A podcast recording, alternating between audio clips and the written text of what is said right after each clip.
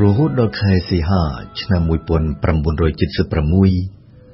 គ្មានឡើយផែនការពីពួកមេខ្មែរក្រហមនៅភ្នំពេញ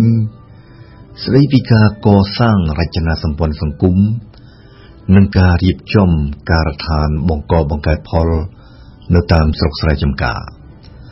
មូលហេតុដូចបានលើកឡើងរួចហើយ គឺមកពីពួកមេខ្មែរក្រហមជាប់រវល់កាត់បន្ថយអំណាចនយោបាយនិងយោធា របស់ភូមិភាគនីមួយៗជាប់រវល់ពង្រឹងអំណាចកណ្ដាលនៅភ្នំពេញនិងជាប់រវល់បង្កើតរបបថ្មីនោះគឺរបបកម្ពុជាប្រជាធិបតេយ្យបានន័យថាក្នុងរយៈពេលជាង1ឆ្នាំដំបូងក្រោយពីទៅដល់ស្រុកស្រែចំការហើយពួកប្រជាជនថ្មីដែលគេហៅថាពួក17មេសាត្រូវផ្ញើវាសនាលើពួកកម្មាភិបាលខ្មែរក្រហម នៅតាមមូលដ្ឋានទាំងស្រុងម្ល៉េះហើយជីវភាពនៃពួក17មេសាមានលក្ខណៈខុសគ្នាស្រឡះអាស្រ័យទៅតាមឃុំស្រុកតំបន់និងភូមិភាគដែលពួកគេទៅដល់នៅក្នុងតំបន់រំដោះចាស់ពូលគឺតំបន់ដែលកាន់កាប់ដោយខ្មែរក្រហមមុនថ្ងៃ17មេសា1975ដូចជានៅក្នុងភូមិភាគនិរដីជាដើម មានរួចស្រេចបាត់ទៅហើយរចនាសម្ព័ន្ធរួមសហករណ៍ឧបករណ៍បង្កបង្កើតផល ការដ្ឋាន របបស្បៀងអាហារលក្ខនឹងលក្ខនៅក្នុងតំបន់រំដោះជះទាំងនេះកម្មាភិបាលខ្មែរក្រហមបែងចែកពួក17មេសាជាពីរប្រភេទនៅម្ខាងគឺអ្នកដែលត្រូវតាមដានស្ទឹងថា90%នៃពួកប្រជាជនថ្មី ពួកនេះត្រូវលុតដំខ្លួន ដោយត្រូវធ្វើការច្រើននិងហូបតិច ដើម្បីអាចคลายខ្លួនជាសមាជិកនៃសហគមន៍នៅម្ខាងទៀតគឺអ្នកដែលអាចបញ្ចូលខ្លួនភ្លាមភ្លាមឬបណ្ដើបណ្ដើទៅក្នុងសហគមន៍ជាទូទៅសិតសឹងជាពួក17មេសាដែលអង្គការពេញចិត្តត្បិតចេញពីវណ្ណៈក្រីក្រដូចជាពួកអ្នកធាក់ស៊ីក្លូនិងពួកអ្នកស្រែដែលបានភៀសខ្លួនទៅជ្រកនៅតាមបណ្ដាទីក្រុងកាលសម័យសង្គ្រាម ពួកនេះចូលរួមក្នុងប្រព័ន្ធបង្កបង្កើតផលភ្លាមភ្លាមនិងទទួលបានរបបអាហារសឹងដូចពួករំដោះចាស់ដែរចំណែកនៅក្នុងដែនដីដែលរបបសាធារណរដ្ឋលុននុលកាន់កាប់រហូតដល់ថ្ងៃ17មេសា1975វិញជាពិសេសនៅក្នុងភូមិភាគ2យប់ពួកប្រជាជនទៅពីទីក្រុងរស់នៅរប៉ាត់របាយរស់ដោយពឹងពាក់លើការដោះដូរជាមួយអ្នកស្រុកស្រែចម្ការ មុននឹងត្រូវបង្គាប់បញ្ជាឲ្យប្រមូលផ្ដុំគ្នាបណ្ដើបណ្ដើ ជាក្រុមជាកង និងនៅទីបំផុតជាសហគមន៍ដោយឡែកពួក17មេសាជាពិសេស អ្នកមកពីភ្នំពេញត្រូវទទួលរងការជន្លៀសខ្លួនច្រើនដំណាក់កាលលើកទី1ពីភ្នំពេញទៅស្រុកស្រែចម្ការ លើកទី2ពីភូមិភាគ1ទៅភូមិភាគ1ទៀតនិងជួនកាលលើកទី3ពីតំបន់1ទៅតំបន់1ទៀត ឧទាហរណ៍ជាក់ស្ដែងពីខែកញ្ញាដល់ខែវិច្ឆិកា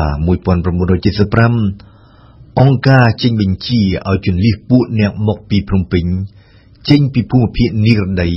ទៅកាន់ភូមិភាគដទៃមូលហេតុគឺមកពីតាមុកត្អូញត្អែថាភូមិភាគនិរដីដែលខ្លួនកាន់កាប់មានមនុស្សច្រើនពេកម្ល៉េះហើយពួកមេខ្មែរក្រមនៅភ្នំពេញដែលគ្រងនឹងប្រែคล้ายដែនដីនៃខេត្តបាត់ដំបងឲ្យទៅជាជង្រុកស្រូវនៃប្រទេស បញ្ជាឲ្យជន្លៀសតាមរទេះភ្លើង ពួកអ្នកភ្នំពេញដែលទើបតែទៅដល់ភូមិភាគនិរដីចេញទៅកាន់ភូមិភាគពីយប់និងទៅកាន់ភូមិភាគឧដរការជន្លៀសខ្លួនពួក17មេសាមកពីភ្នំពេញលើកនេះពីភូមិភាគ1ទៅកាន់ភូមិភាគ1ទៀតក៏បណ្ដាលឲ្យមានស្លាប់រាប់រយរាប់ពាន់នាក់ដូចគ្នានឹងការបណ្ដេញប្រជាជនចេញពីទីក្រុងទៅកាន់ស្រុកស្រែចម្ការ ក្នុងខែមេសា1975ដែរ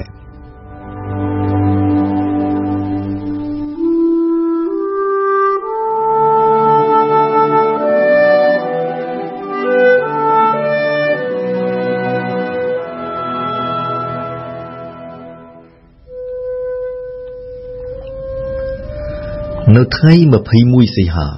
1976 ពួកមេខ្មែរក្រហមនៅភ្នំពេញលើកឡើងពីផែនការជាតិមួយកាលនោះអង្គប្រជុំមួយនៃគណៈកម្មាធិការមជ្ឈិមបកអនុម័តផែនការដែលពលពតហៅថា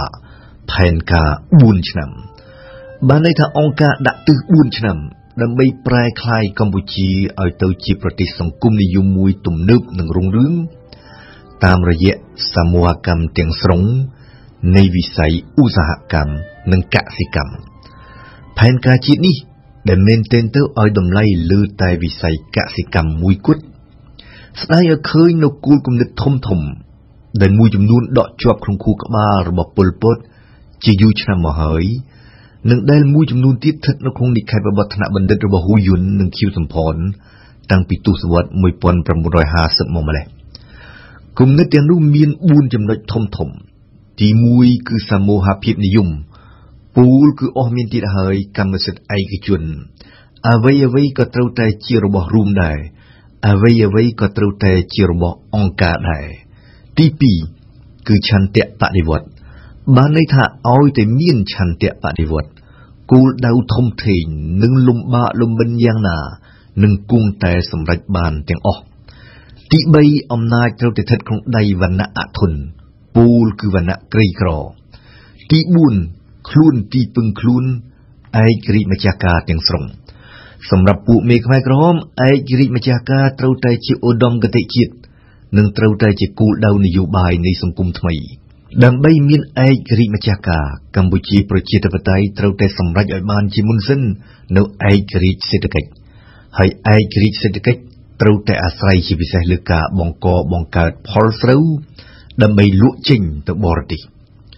ដោយធ្លាប់លើកឡើងរួចហើយថាសម្រាប់ពលពតគ្មានអ្វីសំខាន់ជាងស្រូវអង្ករនិងបាយឡើយកាលសម័យសង្គ្រាម ខ្មែរក្រហមស្រែកថាធ្វើស្រែនឹងទឹកធ្វើសឹកនឹងបាយក្រោយសង្គ្រាម តាមរយៈការជន្លៀសប្រជាជនចេញពីទីក្រុងទៅកាន់ស្រុកស្រែចម្ការខ្មែរក្រហមកំតិចតែមួយប្រព្រឹត្តភ្លេចប៉ុណ្ណោះកម្មសិទ្ធិឯកជន សង្គមសក្តិភូមិនិងរបបមូលធននិយមហើយទន្ទឹមនេះ ធ្វើឲ្យប្រជាជនមួយប្រទេសคล้ายជាកសិករភ្លាមភ្លាមសម្រាប់ពលពតនៅក្នុងទសវត្ស1970ខ្មែរមិនអាចធ្វើអ្វីផ្សេងក្រៅពីធ្វើស្រែទេមិនអាចលក់អ្វីផ្សេងទៅបរទេសក្រៅពីលក់ស្រូវទេត្បិតកម្ពុជាគ្មានធនធានរ៉ែដែលអាចនាំចេញទៅក្រៅបានគ្មានឧស្សាហកម្មនិងសក្តានុពលឧស្សាហកម្មទេផែនការ4ឆ្នាំរបស់ពួកមេខ្មែរក្រហម គ្រោងនឹងប្រែក្លាយភូមិភាគពីរយប់ ពូលគឺដែនដីនៃខេត្តបាត់ដំបងនិងខេត្តពោធិ៍សាត់ឲ្យទៅជាសមរភូមិក្តៅទី1នៃការដ្ឋានបង្កបង្កើតផល នៅទីនោះ អង្គការដាក់ទិសឲ្យពង្រីកដីស្រែពី60000ហិកតា នៅឆ្នាំ1977ទៅដល់200,000ហិកតា នៅឆ្នាំ1980នៅទីនោះ ពួក17មេសាមកពីភ្នំពេញនិងទៅពីបាត់ដំបងប្រមាណជាង1លាននាក់ត្រូវធ្វើស្រែ លើកទំនប់ទប់ស្ទឹងជីកប្រឡាយ កាប់ឆ្ការព្រៃឲ្យទៅជាដីស្រែដូចពាក្យស្លោករបស់អង្គការថាត្រូវវាយសម្រុកបុកកំទេចស្ដារសេដ្ឋកិច្ច1ហិកតា3តោនឲ្យបានដាច់ខាតអញ្ចឹងបានជាមិនទាន់ទាំងទៅដល់ស្រុកស្រែចំការស្រួលបួលផង និងមិនទាន់ទាំងចេះភ្ជួរស្រែនិងដកស្ទូងស្រួលបួលផង ពួកប្រជាជន17មេសាឮពេញពេញត្រចៀករួចស្រេចបាត់ទៅហើយ ពាក្យស្លោកខ្មែរក្រហម ដែលពាក់ព័ន្ធនឹងការបង្កបង្កើតផលស្រូវរួមមានដូចជាត្រូវធ្វើឲ្យបាន1ហិកតា3តោនឲ្យតែមានស្រូវគឺមានអ្វីៗទាំងអស់ដាំដាំមិនឲ្យសល់ដីស្រែមួយចំអាម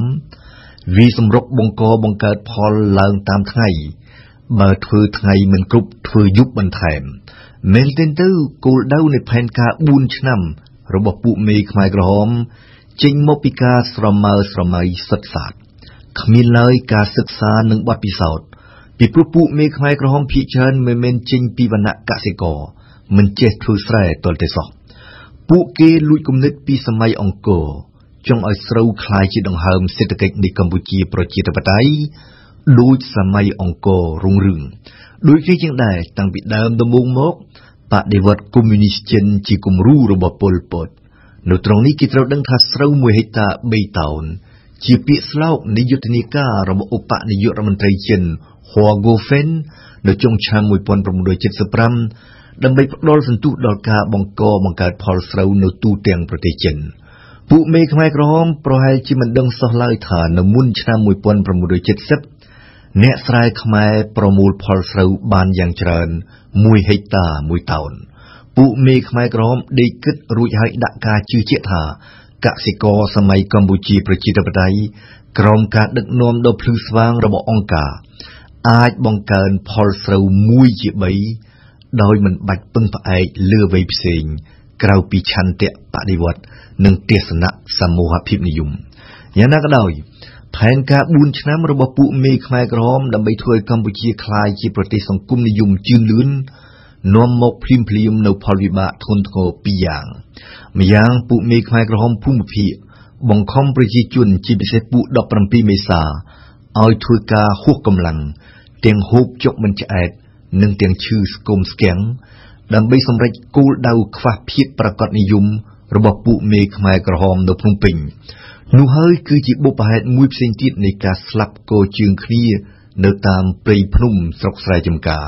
ក្រៅពីបុព្វហេតុនៃការកាប់សម្លាប់រាយផលវិបាកធ្ងន់ធ្ងរម្យ៉ាងទៀតដែលហូរចេញពីការដាក់ទិសដៅផែនការ4ឆ្នាំ គឺការមន្ទិលសង្ស័យគ្នា រវាងពួកមេខ្មែរក្រហមនៅភ្នំពេញ និងពួកមេខ្មែរក្រហមភូមិភាគពួកមេខ្មែរក្រហមនៅភ្នំពេញចោទពួកមេខ្មែរក្រហមនៅតាមភូមិភាគ ដែលសម្រេចទិសដៅរបស់អង្គការមិនបាន ថាជាខ្មាំងជាពួកក្បាលយួនខ្លួនខ្មែរនិងជាពួកដង្កូវក្នុងសាច់នោះហើយជាបុព្វហេតុនៃការកាប់សម្លាប់គ្នារវាងពួកមេខ្មែរក្រហម ដែលយើងនឹងលើកមកនិយាយបកស្រាយនៅពេលក្រោយៗទៀត